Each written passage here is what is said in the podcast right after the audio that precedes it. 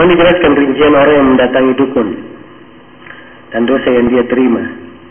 Karena anda mendengarkan rekaman dan membaca artikel berbeda-beda jumlahnya. Kan tidak ada masalah berbeda-beda jumlahnya, tapi maknanya sama. Ya. Kalau berbeda-beda jumlahnya dan ini pendapatnya macam-macam ya itu mungkin yang bikin bingung. Maka dikatakan dia telah kafir terhadap apa yang diturunkan kepada Nabi Muhammad. Apa yang dikafiri di sini? Al-Quran saja ataukah termasuk hadis? Ya pertama mendatangi dukun itu ada dua hadis dari Rasulullah SAW. Sebenarnya banyak hadis ya, tapi saya sebutkan dua hadis menjelaskan sisi hukum. Yang pertama hadis riwayat Muslim. Nabi SAW bersabda, "Man ata kahinan fasa'alahu an syai' la tuqbal lahu salat 40 lailah." Siapa yang bertanya, siapa yang mendatangi seorang dukun, kemudian dia tanya tentang sesuatu, tidak akan diterima sholatnya 40 malam. Ini dia datang sekedar bertanya. Dia tidak benarkan. Ya. Dia tidak mempercayai. Cuma ber, apa dia lakukan? Dia bertanya. Tidak diterima sholatnya 40 malam. Ya, kalau dia bertanya, lalu dia benarkan apa yang dikatakan oleh dukun, maka dikatakan dia telah kafir terhadap apa yang diturunkan kepada Nabi Muhammad. Iya. Jelas ya? Kekafiran di sini tentang masalah orang yang mendatangi dukun, ya. Kalau dia membenarkan apa yang dipercaya oleh dukun sebagai berita gaib dari dukun tersebut, dia percayai, dia yang kafir keluar dari Islam. Sebab dia menganggap ada yang mengetahui gaib selain daripada Allah Subhanahu wa taala. Dan ini adalah pembatal keislaman. Ya, salah satu pembatal keislaman kalau ada yang meyakini ada yang mengetahui perkara gaib selain daripada apa? Selain daripada Allah. Itu pembatal keislaman.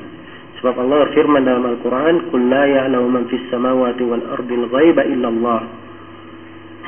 Katakanlah tidak ada yang mengetahui yang gaib itu dari seluruh yang berada di langit dan di bumi kecuali Allah. Nah, dan banyak lagi ayat-ayat yang menjelaskannya. Jadi siapa yang mengatakan ada yang tahu perkara gaib selain Allah, itu artinya dia telah mengingkari ayat-ayat tersebut. Dan itu membatalkan keislamannya. Membatalkan keislamannya. Jelas ya? Dan ini dari masalah di apa namanya di belakangan ini. Ya, di masyarakat kita berkembang tradisi-tradisi yang perlu diperbaiki.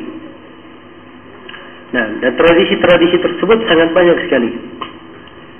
Cuma saya harapkan kepada seluruh jamaah untuk memahami bahwa asal kesalahan tradisi-tradisi tersebut karena adanya ketergantungan hati kepada selain Allah. Ya, jadi kalau ingin memberi nasihat kepada mereka, arahkan nasihat yang menyebabkan hatinya itu hanya bergantung kepada Allah. Dengan bentuk apa saja nasihatnya? Supaya hatinya hanya bergantung kepada siapa? Kepada Allah dan menganggap selain dari Allah itu bukan tempat bergantung dan tidak ada manfaatnya. Iya. Jelas ya? Nah,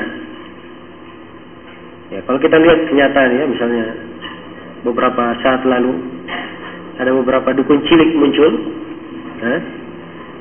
aneh memang, aneh bin ajaib. Ya.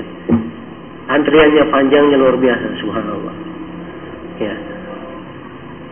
Nah, lebih dahsyat daripada antrian di rumah sakit. Ya. Jelas ya? Sampai masuk ke dalam pembahasan dibahas nasional. Ya. Di sebagian departemen pemerintahan masalah diizinkan atau tidak. Ya, praktek tersebut. Ya. Ini kalau menunjukkan sesuatu menunjukkan jeleknya pemahaman agama di tengah sejumlah kaum muslimin. Ini harus diperbaiki. Ya, harus diperbaiki. Ya, akhlak orang-orang yang seperti ini yang bergantung kepada selain Allah, ya, percaya kepada apa namanya benda-benda, ya, kepada batu-batu, ya, dan selainnya, ini adalah hal yang merusak, ya, dan menghilangkan ketenangan, keberkahan hidup dan menyebabkan datangnya berbagai musibah dan malapetaka. Ya.